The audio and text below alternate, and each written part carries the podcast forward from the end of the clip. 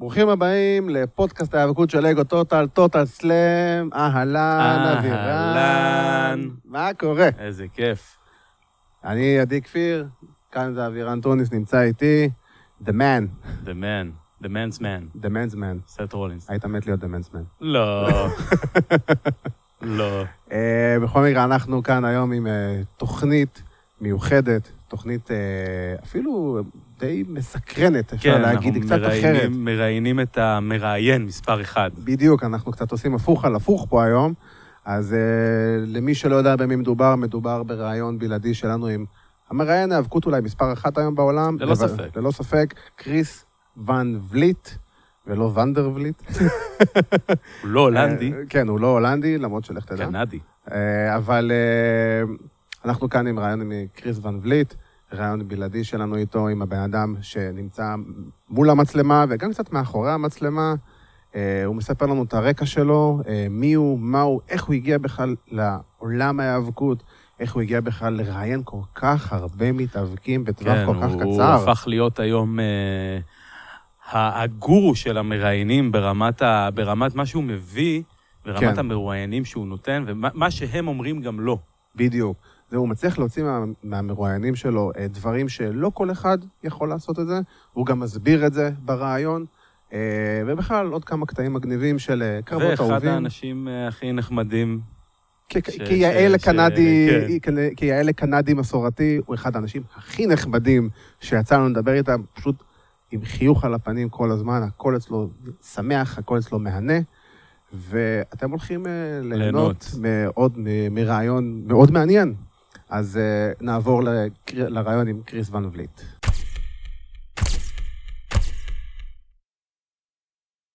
We are here with Chris van der Vliet. Oh, Van Vliet, how are you? I'm great. Thank you for having me on. Hi, it's ah, great it's to a have pleasure. you. It's a pleasure. I appreciate the WrestleMania shirt as I drink from my WrestleMania cup here. We got this is uh, this is last year's New Orleans Our WrestleMania, WrestleMania. Yeah. For the should- next time, we're gonna have our WrestleMania. our Cup. WrestleMania Cup too. I always say I've been to the last nine WrestleManias, but I always say that if you're going to go to WrestleMania, if you haven't been to WrestleMania, the cup is quite possibly the best thing that you can get. It's five bucks, like and you'll hologram. be using it forever. Yeah, it's like I think your cup is 3D, Yeah, maybe it's 3D. Oh yes, it is. Yes, Oh man, So three this is dimensions. from uh, Baba Odivon. Oh, it's from it's from the future here. Yeah, it's uh, Baron Corbin on 3D. yeah. So, uh, Chris, first of all, thank you so much for having uh, so for being on our show. Uh, it's a true honor for you for us to have you. Uh, is it your first time uh, on an Israeli media? I think it is, yes. So uh, thank you for inviting me on. It's always great to talk about wrestling. You know, we're all just wrestling fans at the end of the day, so it's great to talk about it. Yeah. So tell us a little bit about yourself. Uh, a lot of guys here in Israel know you for your YouTube channel when you interview a lot of wrestlers. Tell us a little bit because you have like a rich history in, in the media and everything. Yeah, and it's interesting because like I was just at uh, Fyter Fest on the weekend, and there's a lot of people that know me from my YouTube channel. But the the real story here is, yeah, of course, I'm a wrestling fan. I have a YouTube channel where I'm super fortunate to talk to wrestlers, but I'm a broadcaster by day. Like I'm a TV host uh, from Toronto. I now live in uh, Miami, and I host a TV show here called Deco Drive, where I interview celebrities, review movies, uh, talk about things that are going on here in the city. So I'm on red carpets a lot of the time. I'm talking to the biggest stars in the world, and kind of as an effect from that, I've been able to interview wrestlers whenever wrestlers come to town. And obviously, I'm a big wrestling fan, so it really helped. And uh, I started putting those interviews up on my YouTube channel and realizing that there were other fellow hardcore crazy wrestling fans like me and like you guys. I think one of the, the first interviews you made of wrestlers was the CM Punk one. Yeah. you like the, the never ever for, uh, uh, the Never never, ever. interview. Never ever ever. Never ever. Yeah, that was that was certainly one of the ones that kind of put things on the map. But it was um, I was just doing these interviews at my TV station whenever Raw or SmackDown or Ring of Honor or, or Impact would come to town, and we'd air 20, 30 seconds on TV, as you do. Um, you know, for the people who don't enjoy wrestling, they just want to know, oh, cool, this event's in town. I would do another 10, 15, 20 minutes that would get edited out. And I thought, well, if I ask the questions that I wanted to know the answer to as a fan, someone else would would want to know Yeah. these too. So I, I remember the the Dolph Ziggler one when we switched places. yeah. One, Yeah. one of the first ones. How, how do you get so personal with the with the wrestlers? Yeah. Well, that particular one with Dolph Ziggler, like he lived in Cleveland. They he was the guy that they kept sending out from WWE to do these events in Cleveland to do the media for them. So through that, I became friends with him just because we did so many interviews. And I said, look, we've done like I think at that point we'd done like six or seven interviews, course of like 18 months. And I said, we've got to switch it up. We can't just talk about the same stuff all the time. And it was like saying that out loud was crazy because it was, you know, it's so awesome that he's been so generous with his time. And I said, let's do something a little different. Why don't you, you know, we'll pretend like you interview me. We did that like years ago. And then recently he was in Florida and I said, I've done, I think I've done 16 interviews with Ziggler, which is amazing.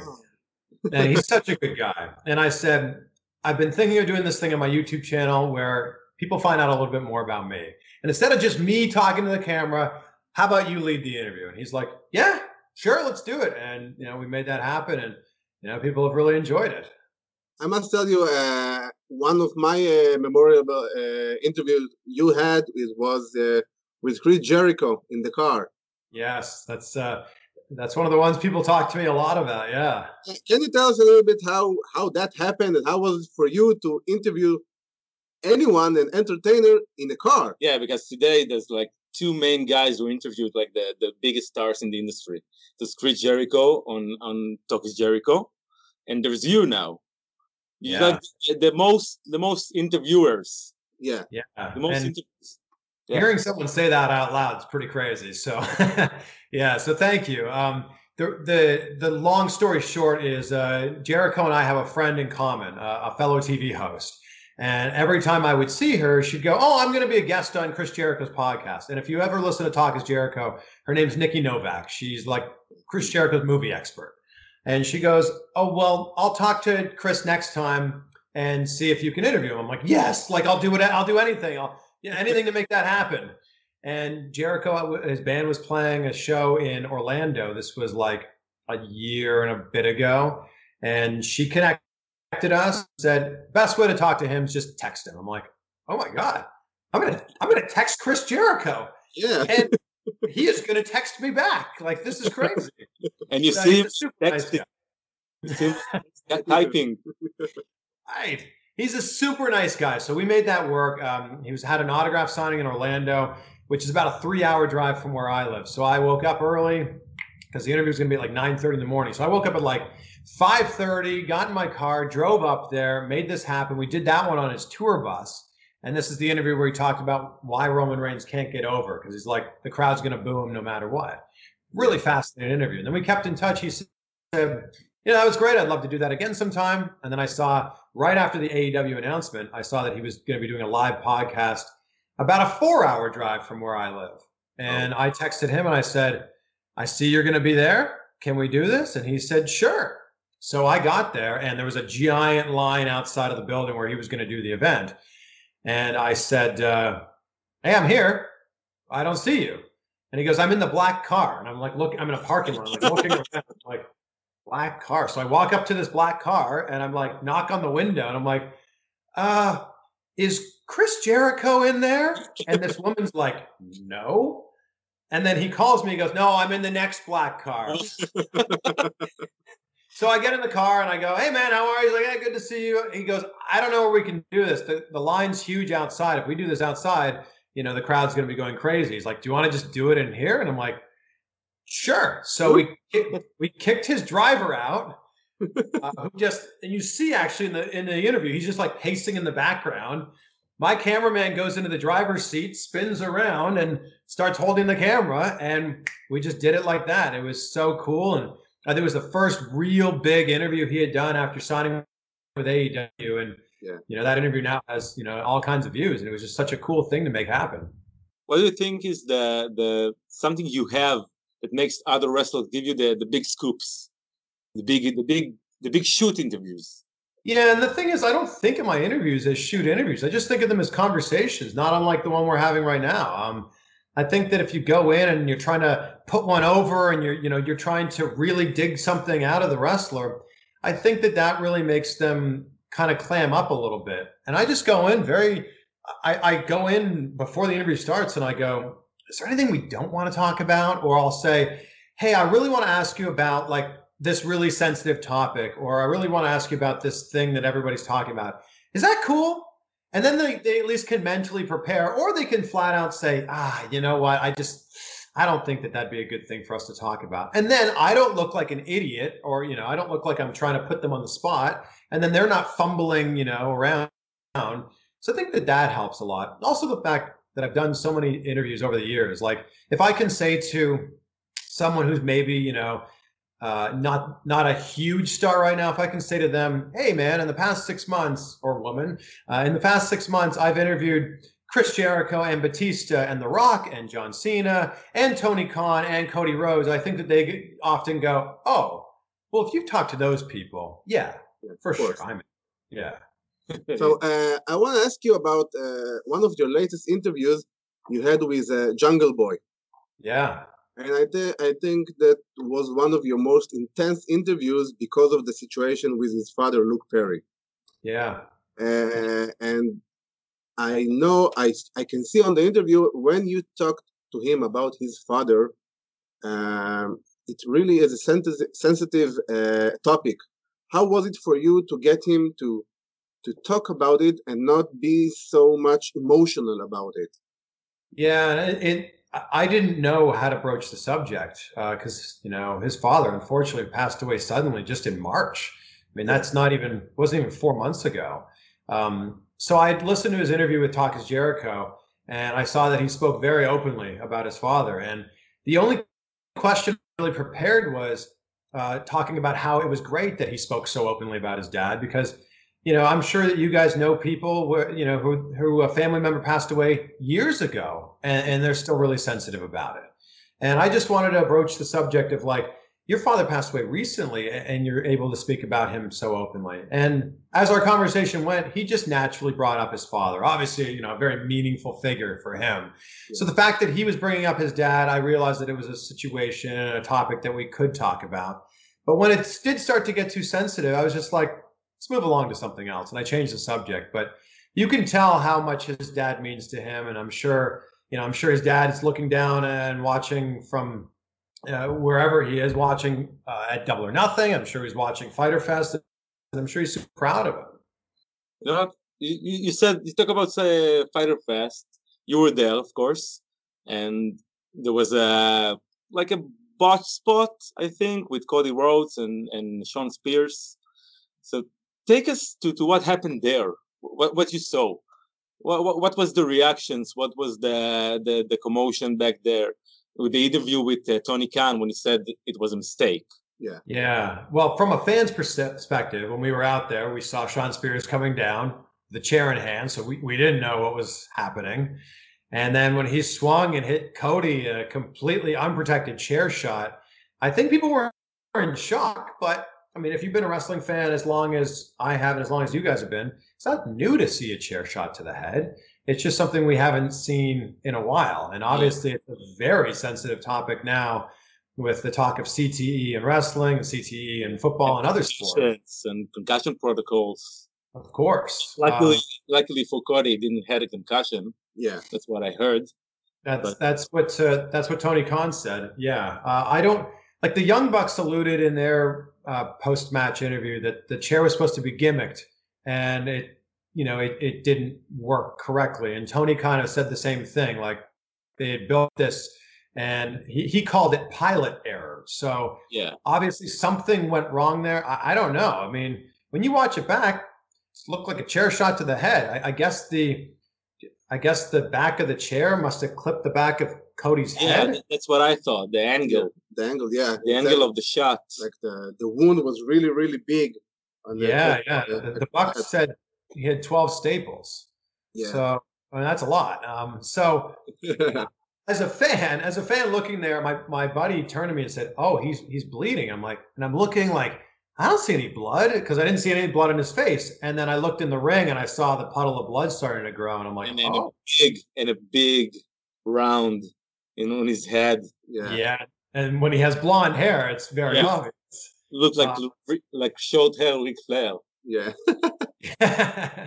so I don't I don't know what happened. I don't know if I mean if you read the comments on my on my video that I put up about that, um, the conspiracy theorists are saying that the chair shot went as it was supposed to go, and they're just now saying, "Oh, we didn't mean for it to go that way because of all the backlash that they're receiving."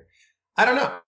I don't know what happened, or, or I don't know what was supposed to happen. I know what did happen, and clearly they're think seeing I- that people aren't okay with it. I think, and we we talked about it between us that the show was a little bit too much hardcore.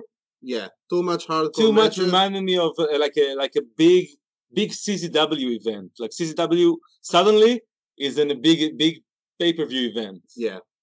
Yeah, Well, J- Jimmy Havoc said something interesting to me off camera right after our interview ended, and I said, "Are you going to have any hardcore elements in your match?" Because Jimmy Havoc, of course, he's known for hardcore, right? Known for death matches.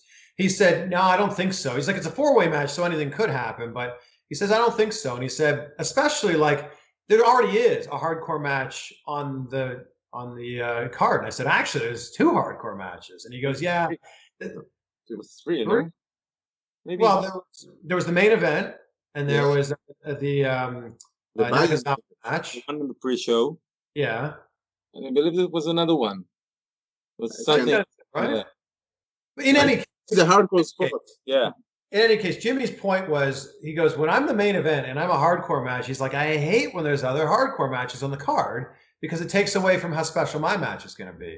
And I completely agree with that. I get why um, uh, uh, was in a hardcore match because you know he's not a wrestler. He's not a trained wrestler. It it hides the fact that he's not a trained wrestler. I get that. It's easy to have a street fight or a hardcore match or whatever you want to call it.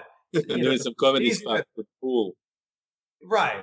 Yeah. It's easy to swing uh, cookie sheets and uh, kendo sticks. It's you know versus actually doing wrestling moves and wrestling holds. So it would. I agree with you that it would have been better if maybe there was just one hardcore match on the card. Yeah. Yeah. And uh, as a fan, as you you know, as a longtime fan, how was it for you to be a part of the upcoming uh, All Elite Wrestling promotion? The Because- launching. the launching of All All Elite, Yeah. because you had a lot of interviews with a lot of wrestlers uh, before and after uh, Double or Nothing. How was it for you Not to only be not only the wrestlers, but with Tony, Khan. Yeah. yeah, of course. Yeah, uh, and I just feel really grateful. I mean, I've been interviewing wrestlers for almost my whole career. I've been uploading these interviews now for a little over eight years to YouTube, and it's you know it's grown a ton over the last year and a half or so. Um, and I am so grateful that people have been able been able to find me because of that. But AEW has just given me this incredible amount of access, which WWE hasn't been that great at doing. Um, so I think the Chris Jericho interview you talk about, the one in the back seat of the car, that really started the wheels rolling here because it was Jericho who then put in a good word with Tony Khan for me. And I think that because I did Tony Khan, I'm now going to get the Young Bucks this weekend. I'm going to do a, an interview with them. So it's like the wheels have been kind of going here. I got the Shawn Spears interview. Um, that was a you know a really big interview because I did these other ones. So if anything, it's a big thank you to Chris Jericho for you know giving me an opportunity, um, taking a chance with me. I guess my channel was still big, but not as big as it is now. So if it wasn't for Chris Jericho, this other stuff wouldn't have happened. At least not to the scale that it's happening now. With uh, like a, it, what, what is your favorite interview that you've done? Like for a single, like a moment in an interview that you remember? Okay. Yeah, like Yeah. a funny moment, like a big moment in an interview. Yeah, the well, it's and it's with my favorite interviewee, uh, The Rock. Uh, and I, I grew up a massive wrestling fan, massive rock fan. I was raising the people's eyebrow, walking around my high school. And I had this moment for Fast and Furious 6. I was sitting with The Rock. We were outside downtown Los Angeles. And uh, I, I interviewed him a little bit about the film, a little bit about wrestling. And at the end of it, I, uh, I said, Do you think we set up a scenario in this movie where the where Hobbs says it doesn't matter. And we set this whole thing up, and it sounds like he's not going to do it. And he just yells, "It doesn't matter!" at me, and it was like, uh, I was like, oh my god! And it was such a cool moment. Like the 16 year old kid in me popped out, was so excited. I think I even said on camera, like, this is the greatest moment of my life. It was so cool. So uh, as we saw on the over the over the last couple of uh, days, uh, Eric Bischoff and Paul Heyman were Yeah. announced as the new uh, executive directors of Raw and SmackDown. Uh, do you think, as a longtime fan and uh, and a guy who is basically And In- interviewed Bischoff and in, interviewed. in this industry, Heyman. yeah, how do you think uh, Bischoff and Heyman uh, are gonna uh, get WWE to get uh, a new vibe in the in, in the product? Well, if nothing else, it brings in a fresh set of eyes in Eric Bischoff, who, to my understanding, hasn't been that current with the product. So that's actually, I think, a good thing. I think Yeah. he's going to come in and either be like, okay, let's work with this, or come in and go, you're doing what with this guy? No, let's do this with this guy. I mean, Eric Bischoff famously said to me in an interview last year that if he was running things, he'd He want to turn Roman Reigns heel. heel. Yeah, I mean, was- I don't know if that's actually going to happen, but I think what this does is it says to the fans, we're being proactive. It says to the fans, we're making a change because you know WWE is not deaf and dumb and blind. They they know what the fans have been saying about the product over the last six months or a year or whatever it's been. This is them saying we are consciously making a change, and we're bringing in two people who have been extremely successful in this business and hoping that they're going to guide this ship in a different direction. So I guess we'll see tonight. I mean, I, I as I imagine, both of these men are in their roles now. So I guess we'll find out tonight. I mean, recording this Monday. I don't know when you, you guys are going to put this out there, but Yeah. as we we'll see on this will be the first Raw tonight with Paul Heyman at the helm. Tomorrow will be the first SmackDown with Bischoff at the helm. So I I'm very interested to see if things change or and how they change. I think it's going to be a interesting week, interested week, and uh, I can get. I, I I want October to come. I just Yeah. want October to come. Yeah. the first I'm very. I'm very interested to see how AEW television looks because now we've had two AEW events, uh, Yeah. and they've both been very successful, very well received. I, I was expecting the Monday after Double or Nothing to be like, you know, guns blazing. I thought that WWE was going to come out the gates and be like, oh, wow, everyone's talking about AEW. Well, look what we can do. Don't forget about us. And Raw after Double or Nothing was just Pretty much- another Raw. Yeah, Yeah, yeah. I, I think I think Vince tried to you know everything is is it's cool. is mm. cool. Yeah, everything is okay. good. This is not competition, and and now he knows that this is competition. They have a massive problem with the with the audience viewership, um, with everything that happens on Stomping Ground and Monday Night Raw after. Yeah. he's got a big problem, and and they're doing a change. They, I they're just- doing a ch- I just think that uh, as we continue to move forward, if AEW's, you know, they're not direct competition, they're not competing on the same night. In, in fact, after going to this show last night or on uh, Saturday night, Fyter Fest, it just feels like it's a different product. I, I don't know. It's like it's like comparing baseball to softball. Like they're both played with a bat and a ball and bases, but Yeah. like watching the Fyter Fest felt so different from what I just watched Stomping Ground the week before. It felt like a completely different thing. yeah, and Stomping Ground was surprisingly good. yeah, because we had Yeah. like uh, the least No, no- the least for ex- it. yeah, no expectations. It was surpri You're right. It was surprisingly good when the bar is set really low. But if you compare Fyter Fest directly to The stomping Ground, there's no question which was a better show. yeah, I think so too. of course. I think so too. And uh, what are your thoughts uh, on these days? What's going on with uh, Seth Rollins and uh, Becky Lynch, and especially Seth Rollins when he's actually uh, bringing up the the Twitter wars with Will Ospreay and the other wrestlers on He's Twitter. trying to make Yeah. WWE cool again. yeah, Look, look, look at our champion. He's cool. He's running a, Twitter feud with uh, with Will Ospreay. Yeah. I- it looks like that. I think it's interesting. I think it's interesting. Uh, I, I I wonder what WWE thinks of it because they've been very controlling about you know what messages get out there and you know what what their people are saying. Um, it's it feels like it kind of came out of nowhere though. Like Seth Rollins was not ever really doing this, and then he just came out like out of nowhere. It was like full force going at this. So maybe he saw like his girlfriend Becky Lynch was having fun with this and decided to just, you know, start saying these things. But what's interesting about it, to play devil's advocate here, is everyone every week talks about all the things they don't like about WWE. Um, and then one person in the company defends themselves and says, "Hey, actually, you know, it's not so bad," or you know, we're the best. What, what else are you supposed to say? They're paying you lots and lots of money. I'm sure Seth Rollins is happy, especially in the position that he's in. And all of us, you know, all, all, all the wrestling fans go, well, how, how could you possibly defend this thing? Well, of course, if you're Seth Rollins, you're in a great position. If someone like I don't know, and not to you know not to pick on someone, but like someone like EC3 were to be like, it's the best wrestling company in the world, we'd go. That's, that's hmm, not his gimmick. That's not his Really? gimmick right now. he's got a sad man gimmick now. Yeah. That's where he's going.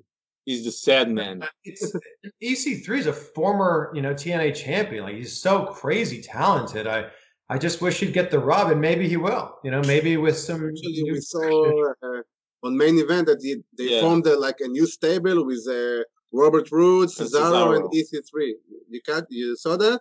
I didn't see that. And that's that's. I like that though. Those are three. Yeah, the Very Warriors talented against the Lucha House Party. Yeah, thing. and I think they call themselves uh, the main event uh, Muscle Man or something like that. They're Uh, trying new stuff. Yeah, let's hope Let's see if it sticks. Yeah, let's see if EC3. Once again, we'll find out this week with Heyman and uh, Bischoff in charge. It's gonna be very interesting. If you if you're Paul Heyman, what is the first thing you do tonight on Raw? Man, First thing. I think I think the very first thing is at eight o'clock. I don't know what time it airs for you guys, but at eight o'clock here, uh, Yeah. I think you start with a wrestling match. That, Yeah. That's the Yeah. first thing you do. You don't start with a promo. You don't start with anything else. You start with a wrestling match. I think that that's the 20 minutes- first thing you do. Shane McMahon promo. I think that's the first thing you do. And if and I think the the second thing you do is you shorten the promos. And Tony Khan talked about that in uh, the the post uh, uh, match interview. He said that they'd rather make it more wrestling focused, which I, I completely agree. You can get stories over in 30 seconds, in a minute, in two minutes. You don't need 20 minutes for someone to just keep saying the same thing in different ways. Yeah. I mean, Fyter Fest had I don't know what five minutes total of talking. Yeah, So I think that that's a big thing is wrestling, and you don't need a giant build up for why two guys are wrestling. Just have great matches and let them. you don't have to do that to build up so so complicated. You yeah. see with the with the Alexa Bliss Bayley now, the, the Bayley and Alexa Bliss feud. In the beginning, it was a, around Nikki Cross and everything. Like she's a liar. She's not a liar. She blocked me on Twitter. She didn't block me on Twitter.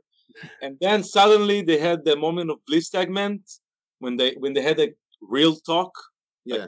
like shoot work promo Yeah. about NXT and about, uh, she- but the past, Bayley Bayley picked on NXT and Bliss was successful, and then it works.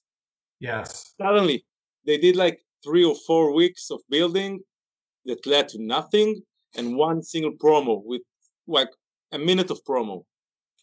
Yeah, and I think that th- those are the two changes. If I'm Paul Heyman, those are the two changes I make. It's a wrestling show. Let's have some more wrestling on it. Yeah, I think, and Paul Heyman with his with his uh, experience with ECW and ECW in 2006, yeah, of course. uh, he, he he can bring some new stuff. He can bring bring some uh, some passion back. I think. So, uh, can you tell us, please, uh, what is your favorite wrestling match of all time? I was there, WrestleMania 18, Toronto, Rock. Hogan, um, and the crowd was. To be part of that crowd was really something special. Uh, that stare down is epic. We'll never see something like that ever again. The fact that Rock was supposed to be a good guy and the crowd was booing him, Hogan's supposed to be a bad guy and the crowd's cheering him. The first like five minutes, I'm getting goosebumps just talking about it. Wow, it's crazy. uh, like Rock throws Hogan down. Boo! Hogan throws Rock down. Yay! Uh, and it there was was one this of the great first moment times in the match. It was one of the first time that the crowd really took over a match Yeah, and change everything. Change everything. There's this great moment in the match where Hogan flexes for the first time after knocking Rock down, and he is like genuinely surprised at the reaction the crowd is giving him, and he looks around like like a little kid in a candy store, like that. This is me. I can't believe it. And um, I think from from that point on, I was just I was so invested in that match. And last time I talked to Hulk Hogan, I said to him, I said, I've always wanted to know, and you've got to tell me. Uh, did you know the NWO was going to turn on you at the end of the match? Because I don't think that that was planned. And he said, I had no idea, brother. He goes, uh, he goes, the ref told me to stay in the ring after the match, which, he's, which he said I thought was weird because Rock was the one who won. So Rock, it's true. Rock like raises the hand of Hogan. Rock walks away. Hogan stays in the ring, and then the NWO come out. And Hogan said he had no idea that was going to happen. He just knew something was going to happen. And he said, got to the back, and Vince said, "You're going to be uh, red and yellow tomorrow." And he's like, "What?" He's like, yeah, you're going to be red and yellow tomorrow. And he's like, I haven't been red and yellow in like 10 years. I don't even know if that gear still fits me. and they were in Toronto for that. Monday Night Raw was in Montreal the next night. And he said that Vince lent him his private jet so he could fly home to Tampa to get his gear and then fly back to Montreal in time for Raw. And he's like, he just grabbed a box. He said it was hidden away in his attic. He grabbed a box, hoped that something would fit and then showed up the next day on Raw in the red and yellow. I think it's so. And, and like a similar similar thing with Daniel Bryan when they I, I don't know who interviewed him and he said that when he came back when he was medically cleared he only had his clothes and he had to do the whole segment when he when he attacks Sami Zayn and Kevin Owens when they yeah. attack him and then he retaliates yeah with shoes that are uh, not on his size yeah. And, and so so scared that it's gonna trip and fall, running with a yeah. drop. Oh, it's amazing. It's, it's like the, the the small things that made wrestling so good. Yeah, oh, we, yeah. can, you know that when when when it clicks, you just know that. Yeah, and uh, as we know, uh, we talked about it that uh, on October, uh, SmackDown is moving to Fox Sports. And we know there are going to be a lot of changes and the way the product is going to be on TV as a, from Fox. Uh, you know, it's going to be like more sports wise. They have like new cameras and uh, they're going to have like a, a, red carpet, I think. Uh, what do you think about that? Do you think that's something going to give different atmosphere to the show? If there's a, if there's a red carpet, it's probably going to be there. Yeah, yeah I, this, this, is the first I'm hearing about red carpet, so I'm very excited. I'm going to be there wherever it is. Um, uh, okay, great. Um, I think that there's a. I mean, this is big. Wrestling being on network television is huge, and I'm not just saying that because I work for a Fox station here in Miami, like that, which is great. Fox is going to be on. Uh, SmackDown's going to be on the station that I'm on, which is really cool. Hopefully, it gives me some more access to do some interviews. But yeah. what's what's exciting here is this puts wrestling in more homes than it's ever been in before. Yeah. Um, this is network television. So that's obviously the pro side of it. The con side of this is this network television. So there's a lot more people that are going to be saying, do this, don't do this. So I hope that they still have the freedom to do what they want to do, um, that WWE is able to do what they want to do. But look, it's a billion dollar deal. There's a lot on the line here. Um, this is one of the very few things other than live sports that people tune into as it's happening. Any other television program, you can DVR it and watch it later. You can watch it on Netflix down the line. You can watch it on Hulu, whatever you want. You can download it online. Yeah. Raw and SmackDown and you know live sports are like the only things you have to watch as they're happening if you don't you know want things spoiled for you. So it's an exciting position to be in for WWE. I just hope that uh, I hope that they're able to build some momentum with having Eric Bischoff in there, and Eric Bischoff has uh, experience with network television. I just hope that it's a great thing. Yeah, we just talked about uh, how much yeah. Eric Bischoff has experience with network. Yeah, I, I, think they brought night. him in. Yeah, I think uh, they brought him in because he has that experience with working with TNT, with working with uh, Spike with, with, yeah, with Spike TV. Uh, he, has got a he doesn't have like the, the wrestling mind so much. I, I don't think he has it. I think he you know he made his pick in WCW. He didn't succeed in TNA, and uh, I think he's there to try and, and invent himself and work with the executives. Well, I think people forget that Eric Bischoff's not just a wrestling guy. Like for the last five or ten years, however it's long been, however long it's been, he's been working with like other television programs and making them successful and being a television producer.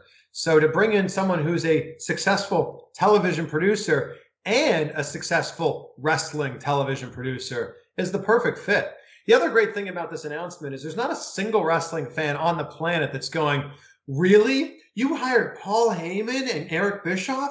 Every wrestling fan's like, those are the perfect guys for these positions. Yeah, exactly. Yeah. And the the, the the the three guys that ran the the all the Monday Night Wars, Heyman, Vince, and Bischoff, yeah. they're on top now. And it's it's so funny because anytime WWE makes any sort of other decision, it's always like 50-50 or like 75-25 with people going, I don't know, or people going, this is great. Um, like, you know, like, let's give the belt to Cody, uh, Kofi. Ah, I don't know. And then people, people going, it's great. With this decision, people are like, that's that's exactly the right people. Congratulations. And finally, Vince uh, took a step, a step back. Yeah.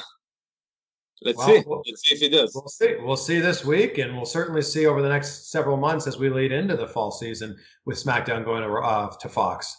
And, uh, I have a question for you. I don't know if you know that, but uh, Kevin Von Erich's sons, uh, Russell Marshall, recently had a debut on uh, MLW.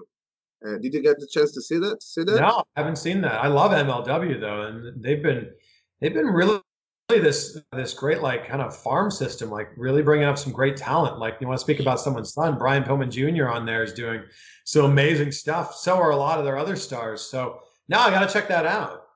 Yeah, they had a six man tag with the the champion uh, Tom Lawlor against Contra Unit. Uh, three guys with uh, Simon Gotch, totally invented himself. Yeah. And uh, Jacob, Jacob Samael and Jacob Fatu is a big guy from the from the from the family. Yes, no, I've met him uh, recently. Uh, he's big, and uh, MLW has all kinds of great talent. I think that you know they're uh, they're right up there with with bringing up some great talent and making a name for people. Yeah, so uh, actually, a few weeks back, uh, we had Russell Marshall Von Erich uh, on our podcast, and you know the comic of the Von Erich family name to wrestling made a huge, huge buzz. Uh, you know, uh, they had like uh, their announcement on Sports Illustrated and stuff like that. And of course, you know, the Von Erich has a huge connection to Israel. Do you ever had the chance to talk to the Von Erichs or maybe Kevin Van Erich or uh, Kevin yeah. Von Erich? Sorry? I never have, but now that you're saying this, I want to reach out to uh, him and try to get him on my show because it'd be yeah. really interesting. You can try to reach him, Marshall and Ross yeah, I believe there. Yeah. Yeah, yeah, yeah. Of course. Yeah, I'm gonna make that happen now. Yeah. So when, you, uh, when, you, see that interview pop up on my channel, it's because of this conversation. yeah. No problem. Thanks. Thank you. And uh, I don't know if you know that, but uh, Kevin Van Erich, like uh, two years ago, he came out of retirement in he Israel. Retired in Israel. And, and, retired again in Israel. It was the first match since he had from his from 1995. Wow. Yeah, and like it was the first time that he and his sons uh, were in the match to get all together. Oh wow! Would you say that's the biggest star to come out of Israel? To come out of Israel? No. Yeah. Yeah, I think uh, Kevin Van Eyck, uh, I think the Von Erichs are the huge, yeah. are the biggest names of uh, that connected to wrestling in Israel. I, I, always say the Von Erichs are like gods in Texas and in Israel. okay. Yeah. yeah. It's All true. Right. Yeah. True. So uh, you must uh, do the interview with Russell Marshall. Well, yeah. I have to. Yeah, I'm going to look this up right after we're done here. Yeah, yeah check this match up. If you if you're into the the really old school like Memphis style wrestling, like the Freebirds versus the Von Erichs, this is the match for you. Okay. Okay. Great. Yeah. Can't wait. Yeah, it was a great brawl. and uh, one of the last questions I have is, what is next for you? Uh, where do you see yourself in one year ahead? Well, uh, if you've seen any of my videos, you know that the phrase that I love and it's kind of defined my life is vague. Get vague results. I I've hung it up here. I don't know if it's too small, but you can read that. It's it's just, just above my Emmys here. I'm not, I'm not trying to show off. That's why I was sitting in front of them. but, uh, my specific goal for this year was to do 50 wrestling interviews by the end of the year, which I thought would work out to be one interview a week. Um, and I and I wanted to get 200,000 subscribers. So with the interviews I just posted on the weekend, the post match interviews, I think I'm at 54 for this wow. year. And. Today, July 1st, is officially the halfway mark of the year. So I guess we're now on pace for, I guess, 108 interviews. But yeah. that seems like a lot. I mean, that's that's like the equivalent of doing an interview every three days, and that's that's a ton. Um, I think my specific goal is to to uh, 100 interviews. I guess now is the new goal for the end of the year. I've set my sights on. I'd like to get 100 or a million subscribers. Uh, I know that that's probably going to take another couple of years, but it's been it's been crazy. Like I got into broadcasting 15 years ago, straight out of college.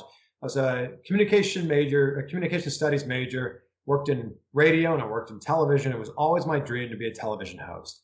And I've been so fortunate to be a television host in several different cities in Canada, now several different cities here in the United States.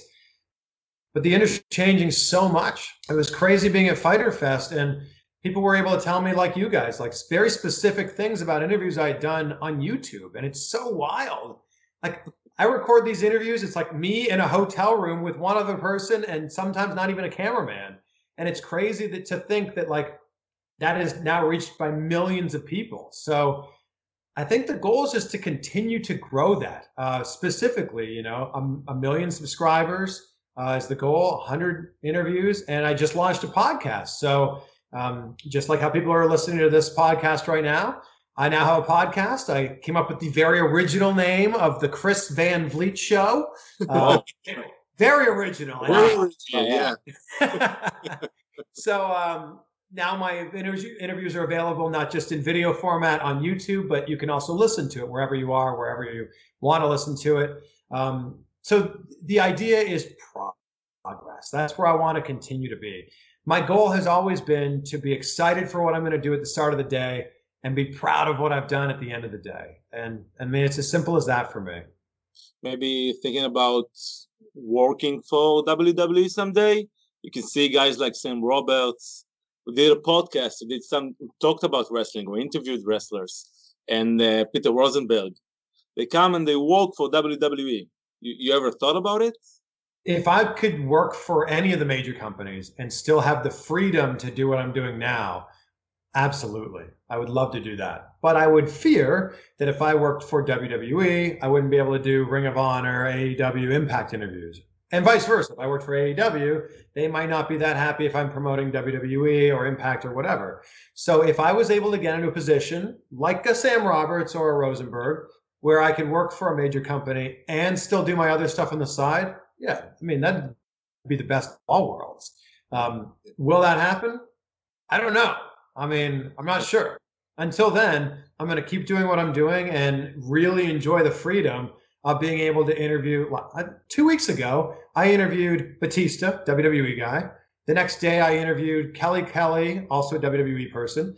I interviewed Impact, um, an Impact star, former Impact champion, Eli Drake. And then I interviewed a couple of AEW people. Like it was the best of all worlds. Yeah. And I'd love to continue to, to keep doing that. It's a new world where you don't necessarily need to work for a major company. And I don't just mean that in the wrestling world. I mean that in all of broadcasting in general. Look at a guy like a, a Joey Ryan or Will Ospreay. Those guys are, you know, super successful, and they don't don't even want to sign with a major company. Yeah, yeah they're doing their own thing. That's yeah, and I'm I'm doing my own thing they have creative freedom and they love it. They love it. The way that Joey Ryan breaks it down is so fascinating to me. He's like, in any other company, in any other industry, you're celebrated for being an independent contractor. You set your own hours, you work when you want to work, and all these things. And he's like, in the wrestling world, it's the opposite. Oh, oh, you're not signed yet? And it's so funny that, you know, when, when Joey Ryan points that out, he's like, I'm making more money than I've ever made before. I call the shots. If I want to go on vacation next week and not take bookings, I don't. And you yeah. can't do that when you work for a major. Uh, talk about Joey Ryan coming to Israel soon. Yeah, Joey Ryan coming to Israel yeah. uh, over the summer. Oh wow, he's so entertaining. What a great guy. Yeah, and actually, did you ever had a chance to think that uh, you're gonna call get a call from uh, you know like a wrestling podcast in Israel, In Israel, yeah. or in uh, other places similar, small and similar to Israel. No, this is mind blowing to me. I mean, in the world of local television, which is the world I kind of came up in, you're known in like the 30 mile radius where your TV show happens to go. And then the only time you ever get recognized outside of your city is when someone's on vacation and they're like, "Oh, hey, I watch you and I'm from the same city you're from." It's so wild that like I, you know, I'm on your podcast now in Israel and I was just on a podcast in the UK and I just did one in New Zealand. And it's like it's so wild to me that, you know, the internet while it has a lot of great amazing things and has a few small bad things to it, the great thing about it is it brings us all together. Like we're able to sit here and look each other in the eyes and Yeah. we're however many thousands of miles away from each other. Like th- Yeah. th- we should celebrate this. This is amazing. Yeah, yeah, should yeah celebrate. well, we are we're celebrating. Do you have balloons here? I don't know. Maybe we like the Yeah, planet yeah. title of uh, Daniel Bryan. We celebrate like Brian, like yeah, who, Yes. who all do you have behind you there? When, when we created the, the yes, I created the yes movement. Oh, okay, I'm sure. Yeah. I was there. I was there. That Oh, okay. Raw After Mania, with, with everybody chanting for Daniel Bryan, Oh, and man. and, That and- was an awesome night. yeah, after he lost in 18 seconds, Oh. That's Right. right. yeah, I, I'm I'm a big part of it. Yeah, Who? So who all do we have behind you? You got Daniel Bryan. Uh, Got we got Daniel Bryan, Finn Balor, and uh, Uh, Filthy Tom Lawlor. Nice. That's awesome. Oh yeah, you got it all covered. yeah.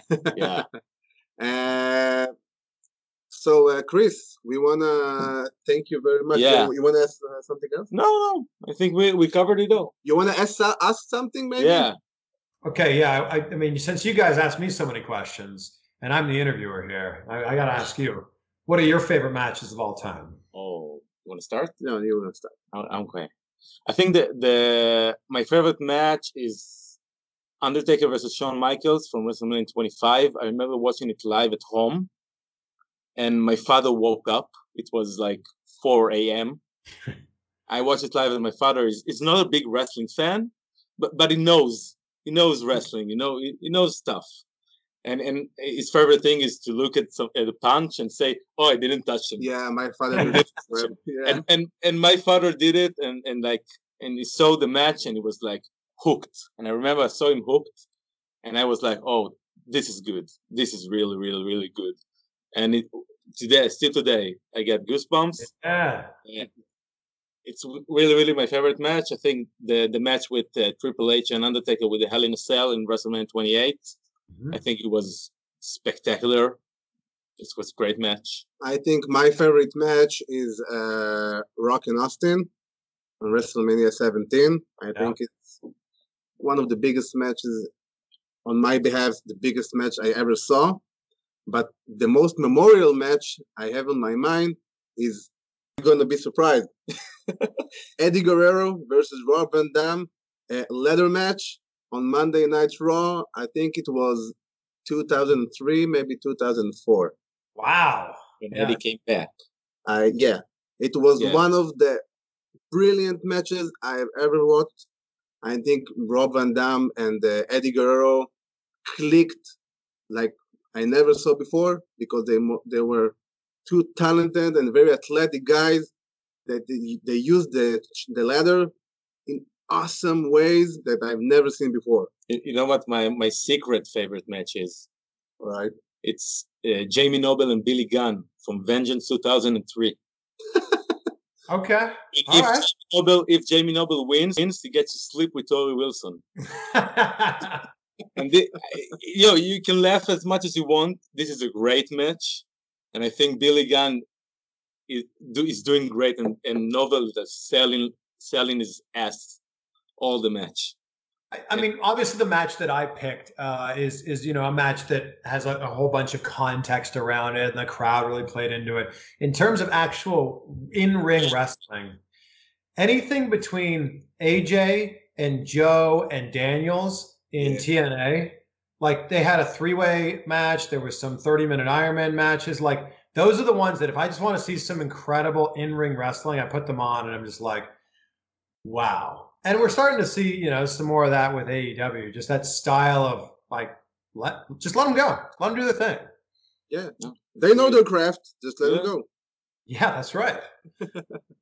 So Okay, you, Chris? you have uh, one Yeah. last question for us before we we finish this interview? Um, I don't know. I think that was it. I don't know. That's great. That's good. so Chris, uh, thank you Thank very you. much. Thank you very much. It was an honor for us to have you on our podcast. Um it's very un- unreal for us, you know, to Yeah. talk to you. To talk to you is because you are one of the, uh, on my behalf, one of my favorite interviews interviewees. Uh, and I wish you all the best, man. And really, thank you very much. No, thank you guys. I'm always happy to talk about wrestling. I appreciate you guys doing your research and watching my interviews before. And that means a lot to me. It's it's really it really is crazy to me to think that there's people on the other side of the world that are watching these interviews. So thank you guys, and this was a lot of fun. Yeah, Yeah, thank awesome. you very thank you very much. תודה רבה שחזרתם אלינו מהרעיון עם קריס ון וליט. תשמע, איזה כיף. איזה פשוט, פשוט שיחה כיף כיפית. לשמוע אותו מדבר, כיף לשמוע אותו. רואים שהוא אוהב האבקות, רואים שהוא, שהוא חי את העולם הזה. כן. באמת, את אה, כל העולם של האבקות. לא רק WWE, אבל הכל, הכל, כאילו... פשוט בן אדם ש, שיודע לכבד את המתאבקים גם, יודע איך, איך לגעת ואיך לדבר איתם.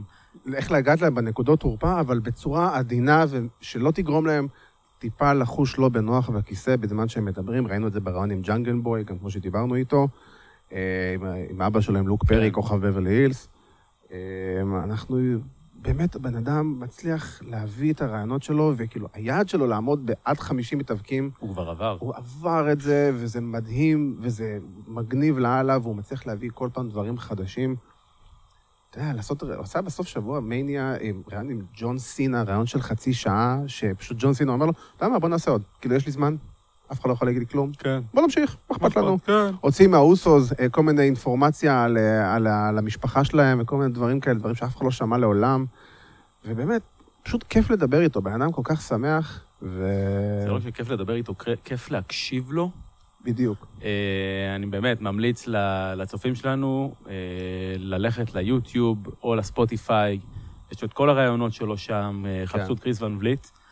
אחלה של עמוד, אחלה של רעיונות, כל אחד מהם נותן כותרות. עכשיו היה לו את הרעיון, הוא דיבר על זה לפני, כבר היה את הרעיון עם היאנג בקס. כן, אחלה והם רעיון. נתנו שם כותרות, חבל על הזמן. סימפן קונפרם.